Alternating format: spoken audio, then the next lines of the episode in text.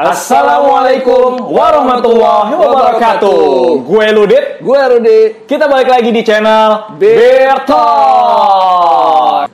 Ya alhamdulillah guys, kita masih diberikan eh, eh, kesehatan dan kekuatan setelah Libur libur panjang, ya. panjang Wah. selama satu bulan kita beribadah khusus di bulan Ramadan. Kita juga mau menyapa ya. Ya. Gimana nih? Apa kabar nih? Apa kabar Wah, semua? Sehat kan? Fisik dan Yes. iman ternyata harus pasti le- lebih sehat lagi ya, cuy. Dan juga nggak lupa selamat berhari raya Idul Ya, Fitri. Idul Fitri. Cepet banget kayaknya.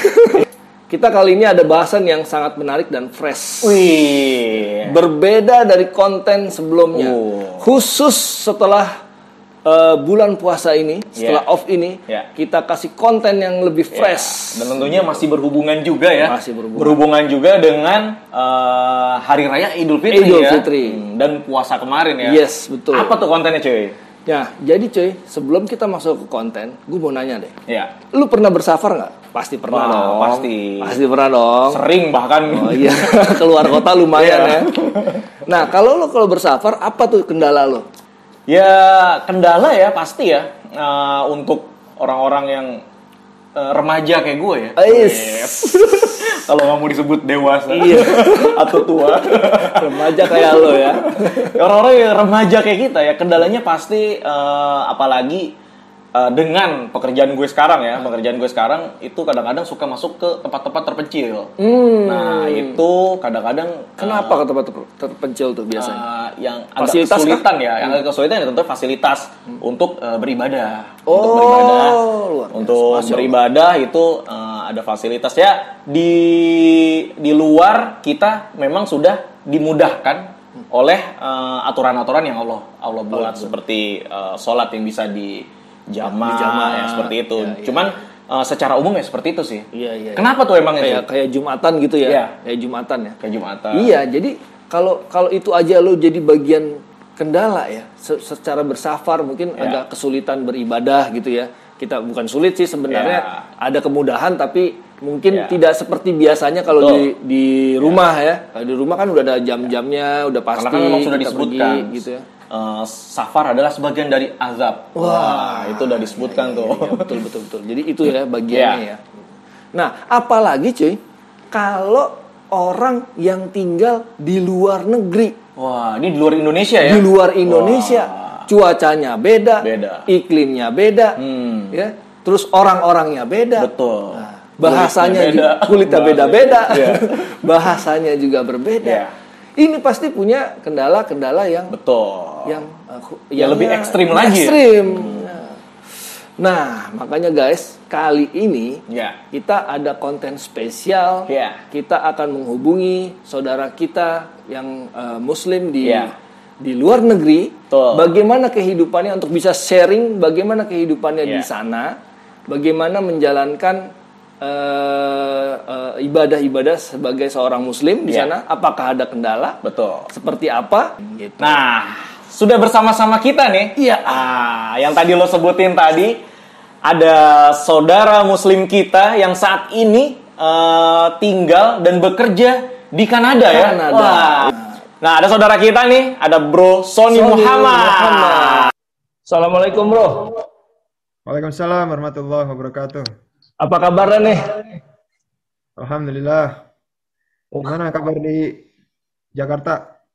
Jakarta sih hujan-hujan dikit nih. Kalau di sana gimana? Hujannya bukan hujan air ya kayaknya ya? Salju terus bro. Udah Dingin nih Kita belum pernah yang ngerasain salju. Belum pernah nih. Ada sih di Trans ya? Studio. Iya bener. salju itu enak dilihat doang, tapi kalau dirasain mah capek. Uh, Lo harus ngosek. Iya, ngosek terus tiap pagi mau keluar rumah ngosek dulu. wah. Baju harus tebal juga tuh. Eh, awal-awal iya kita, tapi setelah setelah ini tahun keempat ya udah udah bisa inilah adaptasi dikit lah. menyesuaikan ya. Berarti ini udah berapa tahun bro di sana? Eh, ini jalan tahun keempat. Tahun keempat. Hmm. Luar Nah. biasa. Dengar-dengar keluarga ikut juga ya? Alhamdulillah ikut semua bro. Kalau enggak kita buat apalah ya kan? Oh iya benar. Masya Oke, Allah. usah pertanyaan selanjutnya ya berarti. Nah guys, jadi kenapa ada salju? Ternyata Hmm. Sony ini sedang berada di negara mana bro? Di Kanada bro. Alhamdulillah. Eh, Kanada. Tepatnya di bagian mananya tuh? Kalau Kanada lumayan luas tuh. Jadi eh, kita sekarang di provinsi namanya Newfoundland. Jadi eh, Newfoundland itu kan artinya eh, kota apa itu daerah baru ya Newfoundland. Jadi kalau lihat di peta Kanada itu di paling sebelah timur. Hmm. Jadi eh, dia tuh kayak pulau terpencil di paling sebelah timur dari negara Kanada. Jadi dulu dinamain Newfoundland karena emang dari eh, ini bro eh, pelaut Vikings yang dari Eropa mau datang ke Amerika, udah capek-capek jalan jauh kan dari Eropa, ketemu pulau ini, makanya dia langsung nama oh Newfoundland gitu. Oh. Nah, kalau misalnya kan eh, kan ini pulau baru nih, ya. pulau baru dan negara baru juga nih Iya. buat Sony nih. Maksudnya lo bisa ceritain nggak secara umum perbedaan tinggal di sana? Cuman secara umum sih sama tetangga kiri kanan. Sama bedanya waktu lo tinggal di Indonesia itu gimana? Budaya ya? eh sebenarnya ya, eh, kalau gua rasain sendiri, sebenarnya di sini itu eh, beyond beyond expectation, Bu. Jadi lebih lebih ramah ya menurut gua daripada di Jakarta ya. Terutama kan lo tahu sendiri Jakarta kota besar ya. Jadi kadang-kadang kalau misalnya lo nggak akrab-akrab banget, lo nggak kenal gitu sama tetangga lo gitu ya. Nah, kalau istilahnya lo butuh effort lah untuk eh, untuk mengenal tetangga lo gitu ya. Karena itu lagi eh, karena kota besar. Nah, balik lagi di Newfoundland itu karena kota kecil, eh, kayak semua orang satu kota udah tahu eh, satu sama lain gitu ya. Dan eh, kita waktu pertama kali datang ke sini itu very welcome. Jadi tetangga tuh bisa langsung akrab. Oh, kamu dari mana? Bisa kita bisa bantu apa kayak gitu. Jadi kita waktu itu pertama kali datang amazed sih. Oh, ternyata baik-baik banget ya orang sini gitu. Jadi itu yang kita Penerimaannya? Nah, gue pernah eh, jalan-jalan ke Toronto. Toronto kan kota besar di Kanada. Itu ya, ya sama kayak Jakarta juga. Eh, ya tipikal inilah big city problem lah. Jadi orang-orang ya lebih cuek lah intinya. Hmm. Tapi pada umumnya emang orang Kanada itu lebih polite. Kan gue alhamdulillah juga pernah tinggal di Amerika. Itu orang Kanada jauh lebih polite daripada orang orang Amerika sih. Kalau orang Kanada itu lebih lebih halus, lebih dia lebih sering bilang sorry daripada bilang eh, apa ya misalnya daripada marah-marah gitu. Kalau misalnya mau jalan ketemu eh sorry ya gitu atau mau apa eh sorry. Jadi lebih sering nggak ada salah juga mereka bilang sorry gitu orang Kanada itu. Jadi terlalu Oh gitu. Jadi terlalu apa? polite. Jadi Kanada tuh maksudnya untuk orang-orang eh, Indonesia nih Jawa ya. maksudnya bisa ya kita Bisa. kita Oh. tinggal di Kanada tuh di cocok lah ya Bisa. cocok mungkin ya Cuman rezekinya nggak kayak Sony. Iya, itu aja lah bedanya. Nggak bisa. Kalau belanja jauh nggak sih, bro? Eh, nah balik lagi bro, ini kotanya kecil banget gitu ya. Jadi Nah, kayak ya, karena desa gitu ya maksudnya. Iya, jadi eh gua ke kantor itu kayak cuman 5 kilo. Itu jalan kaki juga bisa. Nah, ke belanja juga tergantung eh, kita mau belanja apa misalnya eh, ke supermarket gitu ya. Ada supermarket di sini yang dekat. Itu ya paling cuman 10 menit lah naik mobil dan nggak nggak terlalu jauh dan alhamdulillahnya eh, kita waktu pertama kali datang udah khawatir kan waduh ini tinggal di kampung nggak tahu Ah. makanannya bisa dimakan apa enggak. Ternyata lengkap juga makanan Asianya. Oh. Iya. Berarti gampang dong nemuin makanan halal. Nah, alhamdulillahnya gampang, Bro. Di sini ada ada ada masjid, terus ah, di sini kan ada kampus. Nah, kampusnya itu menerima international students. Jadi banyak negara-negara dari eh, mahasiswa-mahasiswa dari Libya, dari Nigeria, dari Arab yang datang dan mereka beberapa orang dari Pakistan yang udah lama di sini, dia buka kayak bacer halal, terus Oh, dari store khusus ya. Ah, ah. terus eh, kan Kanada juga terima ini apa itu namanya eh, refugee dari Syria. Nah, mereka di sini dikasih modal dan akhirnya beberapa dari orang dari keluarga Syria itu dia buka eh, bacer, buka eh, grocery untuk halal. Alhamdulillah sih. berarti kalau lo spesifik nyari makanan halal, artinya lebih ke daging kali ya. Kalau sayur-sayuran mungkin supermarket aman lah ya, sayuran Iya. ikan gitu. Berarti ke supermarket daging-daging nggak nggak beli dari supermarket gitu maksud gue. Belinya di komunitas-komunitas itu atau Ya awalnya ya awalnya eh, dari dari eh, restor eh dari restoran dari bacer halal itu. Terus Ya. tadi ya karena gue bilang kelamaan eh, mereka eh, kan nggak terlalu besar, jadi suplainya juga mereka nggak terlalu sering. Dan akhirnya ada beberapa senior community dari eh, masjid sini bilang kita harus eh, minta ke groceries yang di sini untuk jual daging halal juga karena kalau untuk eh, supporting kita doang itu aja nggak cukup dari si bacer yang yang kecil itu. oh Nah dari situ akhirnya yang uh, grocery besar sudah mulai ada section uh, khusus untuk halal. Jadi ayam udah halal, uh, daging, terus kayak sosis-sosis gitu udah udah mulai masuk mereka. Sih. Artinya kalau lo bilang tadi ada imam besar lah di situ ya, yang minta untuk eh, supaya lebih luas lagi masuk ke supermarket, berarti lo masuk dalam perkembangan Islam di Kanada dong sekarang. Komunitas Di- gitu ya? Komunitas di Newfoundland dong. Ya itu bro, alhamdulillah. Jadi eh, masjidnya sendiri sih udah lama ya dari tahun, gue kalau nggak salah sebut ya tahun eh, 70-an atau 80-an gitu. Cuman ya most of eh, jamaahnya waktu itu tadi eh, student dari kampus ini. Tapi karena sekarang makin banyak makin banyak dan orang yang mau masuk ke Kanada untuk mengambil ini citizen- citizenship itu makin banyak dari negara Nigeria, dari eh, mana-mana itu akhirnya makin komunitas Islam di sini makin besar gitu. Hmm. Jadi ya alhamdulillah. Nah, bisa bisa ceritain nggak maksudnya eh, kehidupan eh, Islam Islam di Kanada tuh seperti seperti apa sih kayak gitu di sana tuh? gue ceritain di tempat gue aja bro ya karena di tempat Iya, lain boleh, paham. Jadi kalau di sini eh, alhamdulillah kita ada masjid satu sementara ini ya, yang maksudnya yang kita punya namanya eh, Muslim eh, Association of Newfoundland, namanya MANAL, ada di website bisa dicek. Eh, jadi itu eh, tadi gue bilang dia didirikan udah tahun mungkin 70-an 80-an udah lama. Eh, dan sekarang komunitasnya makin makin berkembang makin berkembang. Kita sudah mau eh, mau expand masjid. Jadi itu tanahnya kecil karena memang niatnya dulu kan ya siapa sih yang mau datang ke sini orang Islam? Kan di penjuru ini ya, ya utara dunia gitu terus sekarang kita lagi usaha bebasin tanah. Sebenarnya sudah kita beli tanahnya yang lebih besar supaya bisa lebih besar lagi masjidnya lagi progres. Terus sudah punya cemetery sendiri. Eh, karena banyak orang Islam yang sudah ya karena komunitas sudah banyak jadi orang banyak yang sudah eh, butuh untuk misalnya ada orang tua yang meninggal ya kan? Jadi ada dedicated eh, cemetery for Muslim juga sudah ada di sini. Alhamdulillah gitu. Jadi ya gitulah keep eh, keep growing sih insya Allah Hmm. Jadi masjidnya itu seberapa jauh dari rumah lo? Kalau gue lihat ini masjidnya keren banget nih. Itu udah lama Ah. berdiri di situ. Iya, dari nah itu dulu bro eh, eh, tempatnya di pinggiran kota sebenarnya dulu, tapi ya sekarang kan karena semakin kotanya semakin berkembang berkembang itu jadi dekat gitu. Mungkin kalau dari tempat gua sekarang mungkin sekitar 15 menit lah kalau naik mobil.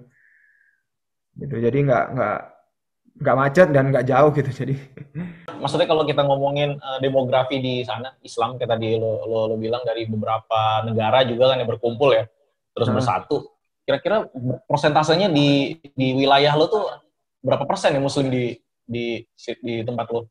mostly student dan dan student itu ya come and go kan. Jadi misalnya sudah lulus dia akan pindah ke kota yang lebih besar ke, eh, ke Toronto untuk cari kerja. Jadi menurut gua sih eh, kalau misalnya dari last sholat id misalnya dari sholat id yang Iya. kita pernah eh, waktu itu 2019 terakhir karena sebelum covid ya itu katanya sekitar totalnya sekitar 5.000 orang bro.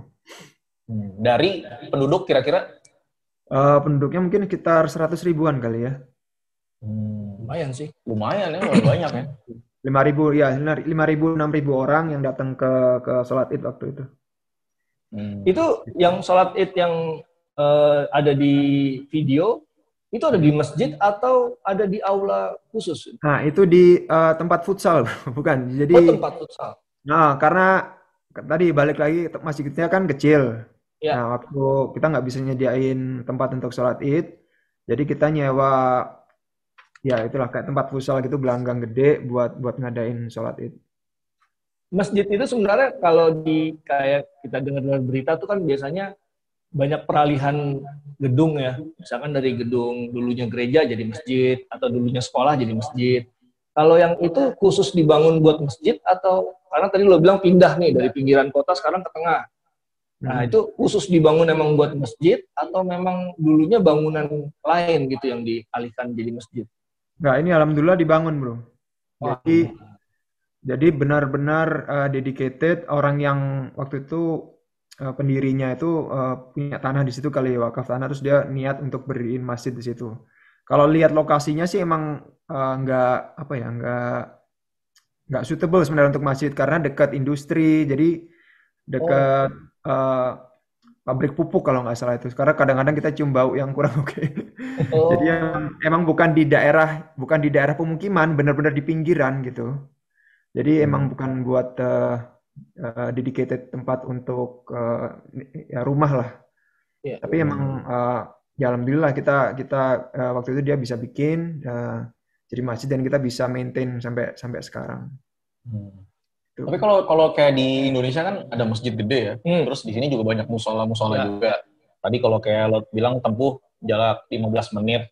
Ada nggak sih musola-musola gitu di di di kayak di sana terus kayak di kantor tuh ada musola juga nggak di apa kayak di apa mall supermarket ada musola juga nggak? Ya, nah Kanada itu salah satu negara yang open ya. Jadi sama semua eh, agama, sama semua eh, ya pokoknya perbedaan itu open. Nah, eh, di kantor gua ada. Jadi kebetulan waktu itu eh, kita pindah dari kantor yang lama, terus eh, perusahaan gua eh, bikin kantor sendiri dan semua mas semua pekerjanya ditanya kalian pingin punya apa nih? gitu yang yang perlu kita ada di kantor gitu. Dan waktu itu eh, gua kalau nggak salah gua the only muslim yang di di kantor itu jadi gue bilang tolong dong eh, gua butuh eh, prayer room gitu. Doesn't have to be nice gitu. Maksud gua tempat ya ya tiga kali empat bisa juga digabung buat agama lain kan. Pokoknya adalah istilahnya meditation room lah gitu dan mereka mengiyakan gitu jadi alhamdulillah eh, dikasih terus gua juga pernah lihat di kayak di eh, eh, Mall. bukan bukan bukan mall sih kayak ya gedung-gedung yang lain lah gitu ada hotel lah misalnya hotel nah hotel itu juga ada tempat untuk eh, meditation room istilahnya sih gitu dia bilang Oh, jadi base-nya es permintaan itu bisa juga ya? bisa eh. Karena di tempat kerja. Iya. Ya. Hmm. Tapi di Iya. tempat kerja lo ada berapa muslim, Bro? Sekarang yang gua tahu eh, yang gua tahu ya bro eh, dua lah sama gua dua Dua. ya. Ketuanya Iya. Sony, wakilnya Iya. temennya dia. kelihatan nih imamnya sama, Imamnya. sama makmum. Iya. Karena yang buat musola, yang minta musola. Eh, yang satu Ah. lagi itu, yang satu lagi tuh eh, akhwat bro. Jadi dia itu istrinya imam masjid gua. Jadi Oh, Oh, oh dia akhwat. terpantau lah ya pokoknya berarti. Iya, iya, iya. iya. Imam masjid masjid. Istrinya imam masjid. dia imam masjid bro. Tadi kita udah udah ngomongin eh, sholat id sedikit ya. Ya. Nah kita nih mau spesifik nih. Eh, kita mau eh, gimana lu nyeritain tentang puasa nih ya. Ya. Puasa dan lebaran di sana nih. Apa eh, Sebelum COVID ya. ya suasananya nih sebelum covid dan eh, kayak sekarang nih yang saat covid ini nih. Mungkin lu bisa ceritain puasa di sana gimana sih? Wah, alhamdulillah ya. Jadi eh, selama gua di sini nih, kebetulan puasanya pas deket-deket summer bro. Nah, karena kita di ujung dunia bagian utara, ya kan, pas summer di sini itu eh, adzan subuhnya itu jam 3 pagi. Tiga pagi. Jadi adzan subuh jam 3 pagi, eh, maghribnya eh, jam setengah 10, jam 10.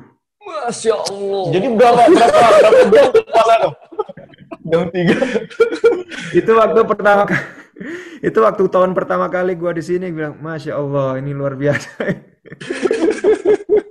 tapi ya alhamdulillah eh, ya itu rasanya pertama-tama hari-hari pertama itu masya Allah berat tapi ya ya dan dan dan dan enaknya di Indonesia itu ya karena karena semua orang puasa Semua orang puasa. jadi, jadi lo nggak nggak nggak terlalu berat kan karena semua Iya. orang puasa gitu nah di Iya. sini itu ya ya karena semua orang nggak puasa dan lo puasa sendiri rasanya jadi lebih lebih berat gitu kan Iya. kayak Apalagi tetap kerja ya.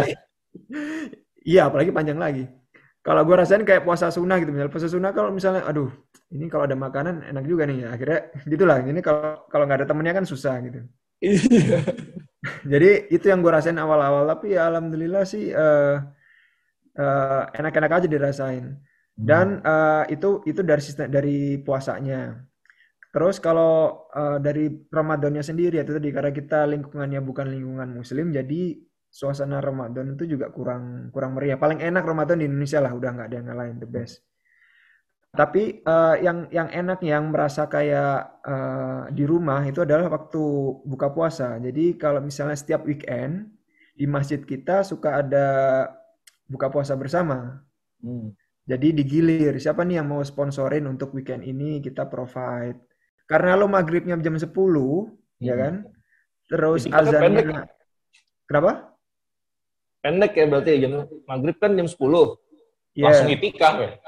Nah, iya, rata- rata-rata orang gitu kan? bro. Jadi buka puasa, jeret, ya kan? Buka puasa di situ, ya buka puasa sedikit ya, ya kan kurma. Habis itu sholat maghrib, terus habis itu mereka uh, buka puasa besar, Terus Isya dan Terawih. Nah, Terawihnya di sini itu setiap hari uh, satu uh, seperempat jus. Hmm. Jadi targetnya targetnya eh kok seperempat jus. Benar. Jadi satu terawih itu seperempat jus, langsung dilanjutkan sholat lel. Uh, pokoknya satu malam itu satu jus lah intinya. Oh. Hmm. Jadi setengah jus setengah jus ya sorry, setengah jus setengah jus. Alam tara ilal malai min bani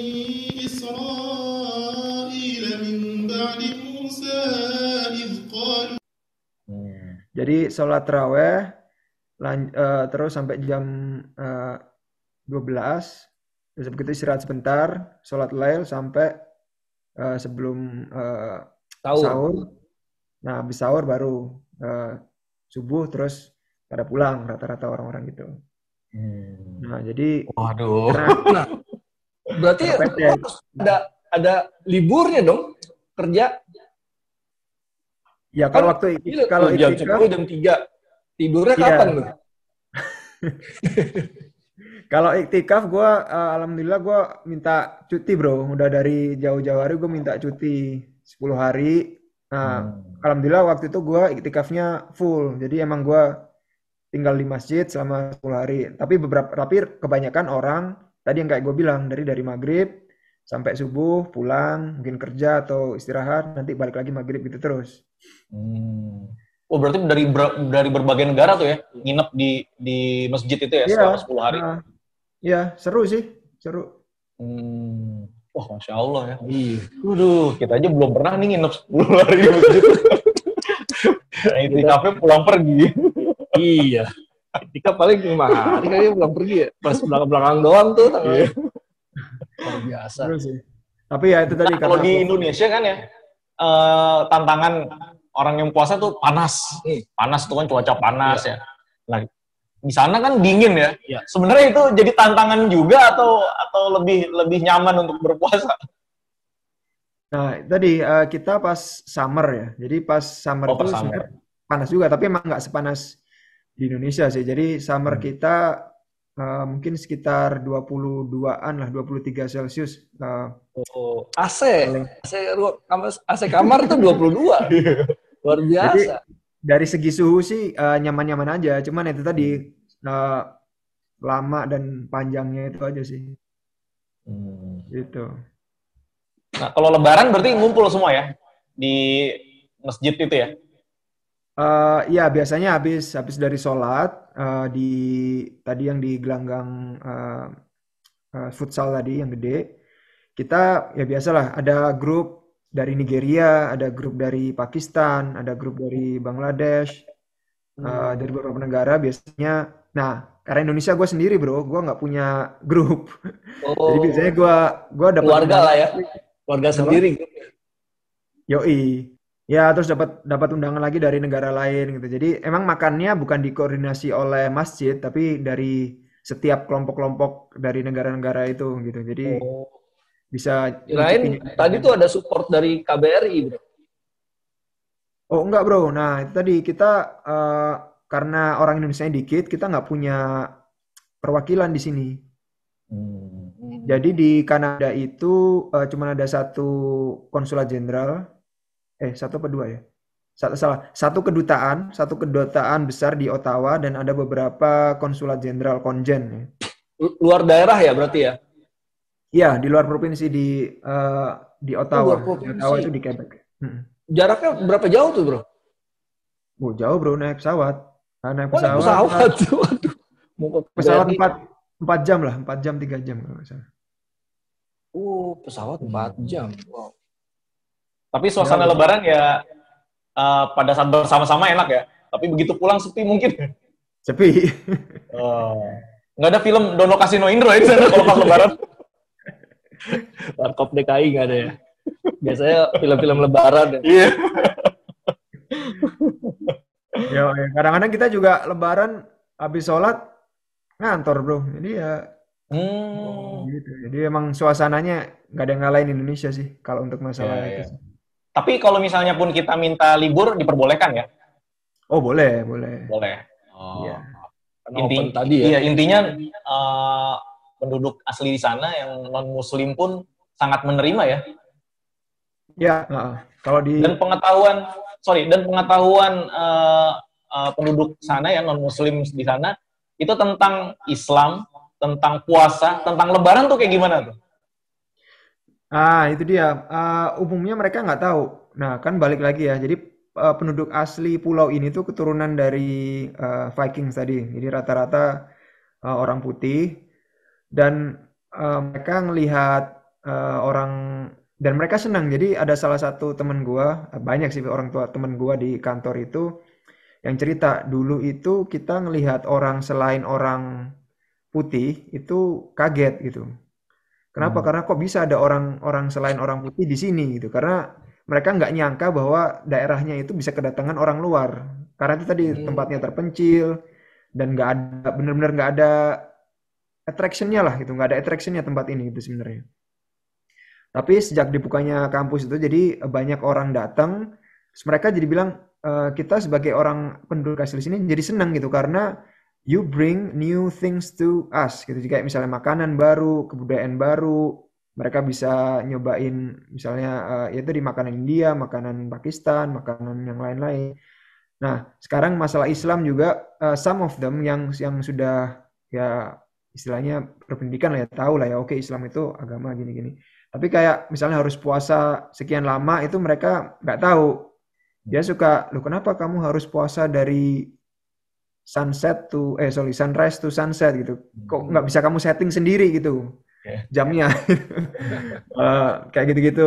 Terus eh, eh, eh, misalnya waktu gua lagi sepedaan gitu misalnya sepedaan gua suka Ya. eh, waktu kepuasan masih juga sepedaan nggak minum gitu. Kenapa kamu nggak minum kan nanti mati kamu kalau misalnya tetap paksain puasa. Lu gitu. puasa masih sepedahan? lo? Masih bro, masih dikit-dikit lah, Oh. tipis-tipis, gas tipis-tipis. Luar biasa. Jadi kayak kayak hal-hal kayak gitu butuh butuh dijelasin dikit-dikit. Tapi mereka in general mereka tahu bahwa oke Muslim itu kayak gini nggak boleh makan pork itu mereka tahu. Jadi misalnya kalau misalnya kita lagi ada tim building atau ada acara outing kantor, eh Sony nggak bisa makan yang ini loh apa daging, yang karena kan mostly kan nggak halal kan dagingnya. Jadi mereka sudah sudah sed- sediain makanan khusus buat gua gitu, which is uh, bagus banget sih. Hmm, Wah, secara nggak langsung berarti ada syiar ya, Iya. ada syiar secara secara nggak langsung ya maksudnya ya. Dan soalnya bagian masuk dari bagian penting Iya. di Newfoundland ini ya. Nah, Ya sih bro, jadi kalau gua terangin ke, alhamdulillah sih anak gua kan sekarang yang pertama umur, masya Allah gua lupa umur anak gua, umur 10. Eh, dia mau umur 10 itu kelas 4 SD.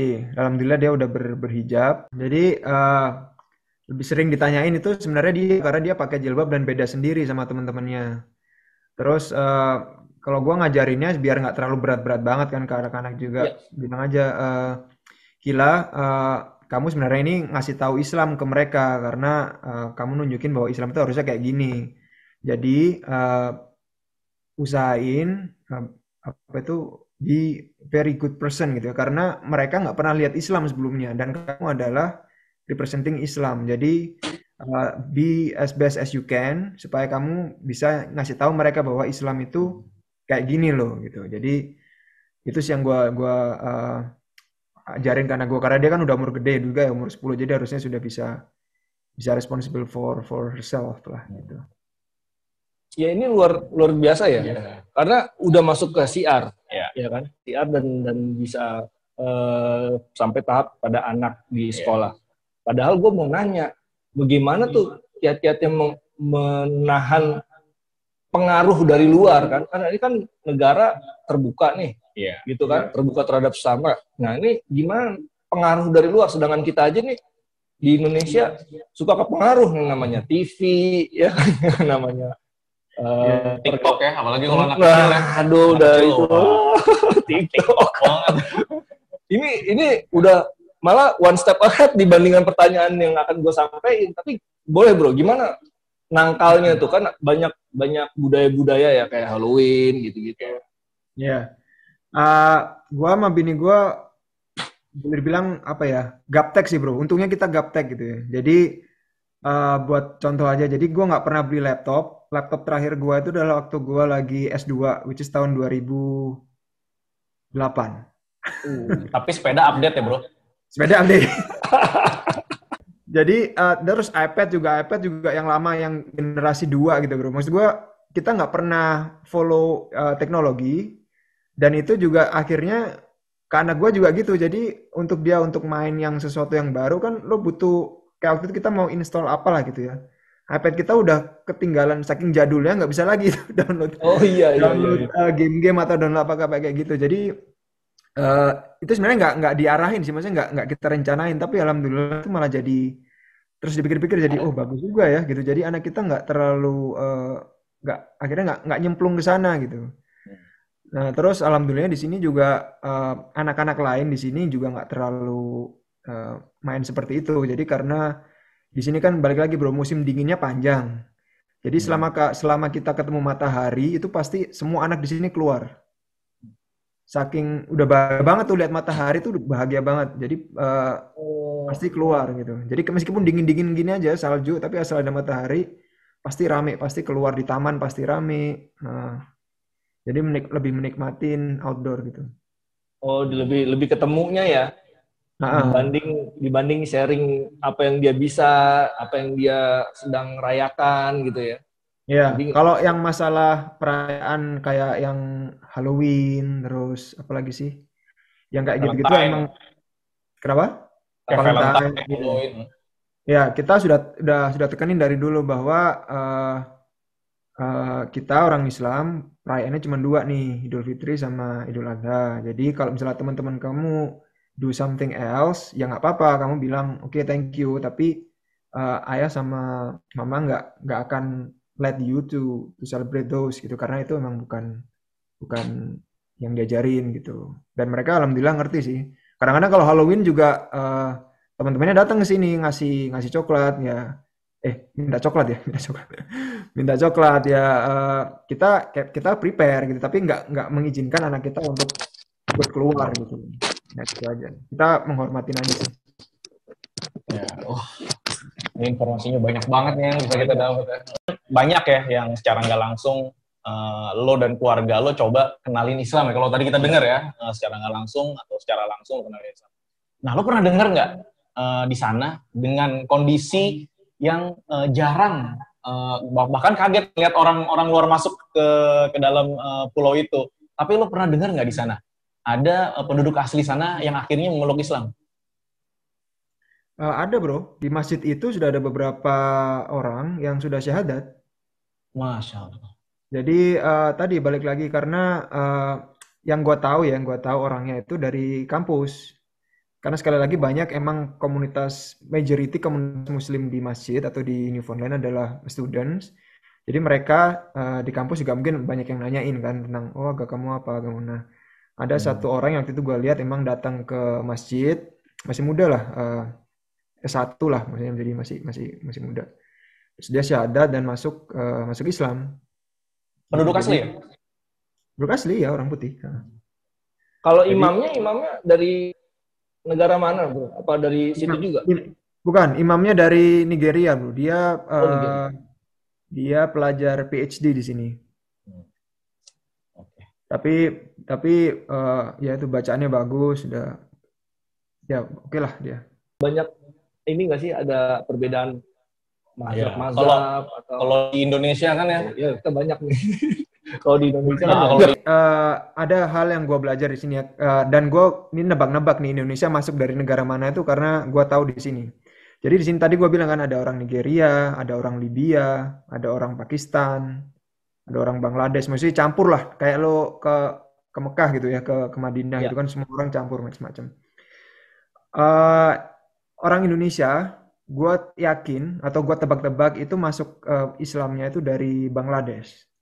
Bangladesh. Kenapa? Karena orang Bangladesh di sini yang gue lihat yang belum belajar sunnah ya, maksudnya yang yang itu dia eh, salam-salam, terus dia eh, ya, dia lah pokoknya beberapa beberapa eh, rutinitas yang yang mirip sama yang gue lihat di di orang Indonesia pada umumnya. Ada ada yang negara misalnya Pakistan itu yang yang eh, kebanyakan yang apa namanya itu istilahnya itu yang huruj-huruj itulah apa sih itu yang gue nggak ngerti yang oh ya ini apa? Eh ya dari satu masjid ke satu masjid lain gitu ya. Ya, ha, traveling ya syiar empat harus 40 ha- apa gitulah. Itu juga ada jamaah tablik lah itu istilahnya. Ya. Tablik ya. Ada juga eh ya macam-macam lah bro. Tapi tadi balik lagi karena imam kita eh, benar gitu. Maksudnya imam kita yang sudah dipilih itu emang emang eh, ya kita tahu lah benar. Jadi segala perbedaan itu bisa di bisa di bisa diatasi. Jadi nggak ada konflik ya? Iya. Nggak ada, nggak ada. Wah, kita harus belajar ini justru dari Di dari sana- masjidnya Sony. Nah, keragamannya lebih banyak ya. Iya. Iya. Tapi ya mungkin itu ya. Kalau eh, minoritas kekuatannya biasanya lebih lebih apa ya lebih upahnya tuh lebih terjaga ya dibanding kita yang mayoritas. Wah egoisnya tuh. Aduh. Iya. Oke, Iya. Gitu. mungkin gitu aja ya. Iya, wah ini seru Wah, banget nih ngobrol-ngobrolnya. Thank you banget sharingnya, banyak banget yang bisa kita pelajarin ya. Justru iya benar, di benar. luar dari kebiasaan kita, Iya. ternyata eh, pandangan kita terhadap eh, orang yang tinggal di Betul. luar negeri itu wah sungguh berbeda ya. Iya. Kalau memang ada niat Betul. yang kuat. Iya, ini ini sudut pandangnya berbeda banget ya. Mindsetnya Benar. benar-benar kalau kita dengar kan orang yang tinggal di luar negeri Iya. seperti ini, tapi ini ternyata sangat berbeda. Nah, intinya kalau menurut gua sih, eh, kalau mengutip ini, mengutip katanya Ustadz Subhan, kalau lo pernah denger ya, beliau pernah bilang, jadi orang Islam itu harus mewarnai bro, jangan diwarnai. Dan kalau misalkan kebanyakan nih kita, eh, ya termasuk gua dulu, waktu gua pertama kali eh, keluar ke ke Amerika, waktu sekolah dulu juga, gua termasuk yang diwarnain gitu. Jadi gua apa tuh meng, meng- meng- apa tuh me- membelurkan keislaman gua karena gua ngerasa ah, gua harus blend nih sama orang-orang di sini gitu. Iya. Nah, tapi setelah setelah belajar, setelah ya tahu lah harusnya kebalik harus lo sebagai orang Islam itu lo harus mewarnai bukan bukan diwarnai gitu, Bro. Oke, Bro, Sony, Nah. Sony Muhammad. Wah, ini kita makasih banget nih. Jazakallah khair. Alhamdulillah. Sukses di sana, sehat-sehat selalu ya sama keluarga. Mudah-mudahan tetap dalam istiqomah dan selalu mendapatkan perlindungan dan taufik dari Allah ya. Amin ya rabbal alamin. Amin, insyaallah. Jangan lupa pulang ke Indonesia tentunya. Oh iya, kapan pulang? ya? Pertanyaannya kapan pulang? Ntar nggak pulang-pulang tiba-tiba udah jadi imam masjid sana. Amin. Iya, khawatirin itu sih kayaknya. Gantiin yang imam dari Nigeria kan? Negara negara kalau membutuhkan, Bro. Sekarang belum membutuhkan. Jadi gua belum Oh, dipanggil. Berarti datang-datang langsung jadi menteri ISDM. Waduh. Oke Bro Sony, makasih banget ya. Oke. Zip. Thank you, bro. Salam buat keluarga. Ya. Sehat selalu. Assalamualaikum. Assalamualaikum warahmatullahi wabarakatuh. Waalaikumsalam warahmatullahi wabarakatuh. Ya guys, itu tadi eh, wawancara kita, cia wawancara Ya, kita. wah masya Allah banget Masya ya. Allah ya. Ter- eh, sama eh, saudara kita Sony Muhammad ya, Ya. yang sedang ada di Kanada. Ya. Ya, alhamdulillah, masya Allah banget. Iya, Ini masya Allah banget. Banyak poin yang bisa kita ambil ya. Ya. Bagaimana kalau gue uh, denger tadi uh, Sony dan keluarga secara nggak langsung bisa uh, mensiarkan, siarkan. ya, mensiarkan uh, tentang pengetahuan tentang Islam. Iya. Ya walaupun uh, apa nggak nggak nggak banyak ya dengan Iya. kapasitas yang dimiliki uh, Sony dan keluarganya sampai anaknya bahkan, wah, Nah. masya Allah sekali itu. bahkan pertanyaan-pertanyaan kita udah udah salah itu sebenarnya. Iya. Kita kita kita mau nanyain kendala malah ternyata sudah dilakukan one step ahead oleh Iya, Sony ya. Masya Allah one ya. step ahead. Ah, itu kira-kira eh, apa sih tadi hasil eh, komunikasi kita Iya, komunikasi dengan eh, Sony. Semoga ini menjadi inspirasi. Betul. Ya, emang yang kita harapkan sih menjadi inspirasi ya karena apa yang dilakukan oleh Sony itu jauh dari sebenarnya dari jauh dari kenyamanan ya. Iya. Kenyamanan dalam beribadah yang Iya. yang harusnya kita kita syukuri ada di Indonesia. Iya. Masjid semua deket. Iya. Begitu ada waktu sholat kita dengar azan. Begitu ya semua semua kita mudah diingatkan. Bayangin kalau di sana di sana nggak ada nggak ada mungkin suara azan juga nggak kedengeran Iya. gitu kan. Tapi eh, Sony dan keluarga itu mampu untuk menjadi siar Betul. ya di sana. Alhamdulillah. Dan kalau uh, ini ada ada pesan dari Sony tadi yang gua ambil Hmm. dan ini bisa jadi pegangan buat teman-teman yang mau bersafar. Wah, yang di mau bersafar di Indonesia uh, atau di luar negeri. Ya. Ini pesan dari Sony tadi yang Ya, diambil yang dari ya. uh, Ustadz juga katanya. Itu jadilah kita sebagai uh, orang muslim yang mewarnai. Mewarnai. Bukan yang diwarnai. Diwarnai, betul. Jadi ke mana pun kita pergi, identitas kita sebagai muslim Ya. ya tetap dijaga. Wah itu masya Allah banget itu. Kayaknya melekat juga nih di kepala gue ini. Iya. Oh. Maksudnya itu adalah suatu perkataan yang yang cukup baik ya yang Ya. diambil dari salah satu uh, Ustadz Subhan Ya. uh, Hafizullah. Ya uh, begitu mewarnai berarti kita harus punya pegangan yang kuat Ya. terhadap akidah, terhadap uh, agama ini, terhadap syariat, Al- Al-Quran dan Sunnah kita jalankan sehingga kita bisa mewarnai di mana pun tempat kita berada ya, Ya. termasuk tadi di luar negeri ini, apalagi tempatnya namanya aja udah Newfoundland Iya. tempat baru ketemu. Oke guys, terima kasih sudah menyaksikan Beer Talk. Semoga konten kita bermanfaat dan eh, tentunya jangan lupa di subscribe, di like, di komen dan kita tetap butuh komen-komen yang eh, positif dari teman-teman semua. Tapi kalau nggak itu semua juga tidak apa-apa, cukup di share. Semoga eh, eh, eh, konten ini menjadi pahala jariah untuk kita semua Ya. dan menjadikan kebaikan untuk kita semua. Ya. Dan kita juga eh, tidak lupa mengingatkan buat teman-teman yang eh, punya masukan nih buat eh, Beer Talk, masuk masukan yang membangun tentunya bisa DM di Instagram kita atau yang seperti eh, teman kita tadi, Sony yang mau ngobrol-ngobrol bareng kita, Iya. misalnya dengan protokol kesehatan, walaupun tinggal di sebelah, tapi maunya pakai Zoom kayak tadi. iya. Boleh, apa-apa, boleh. boleh aja, boleh aja. Biar kelihatan ada di luar komplek ya. Iya.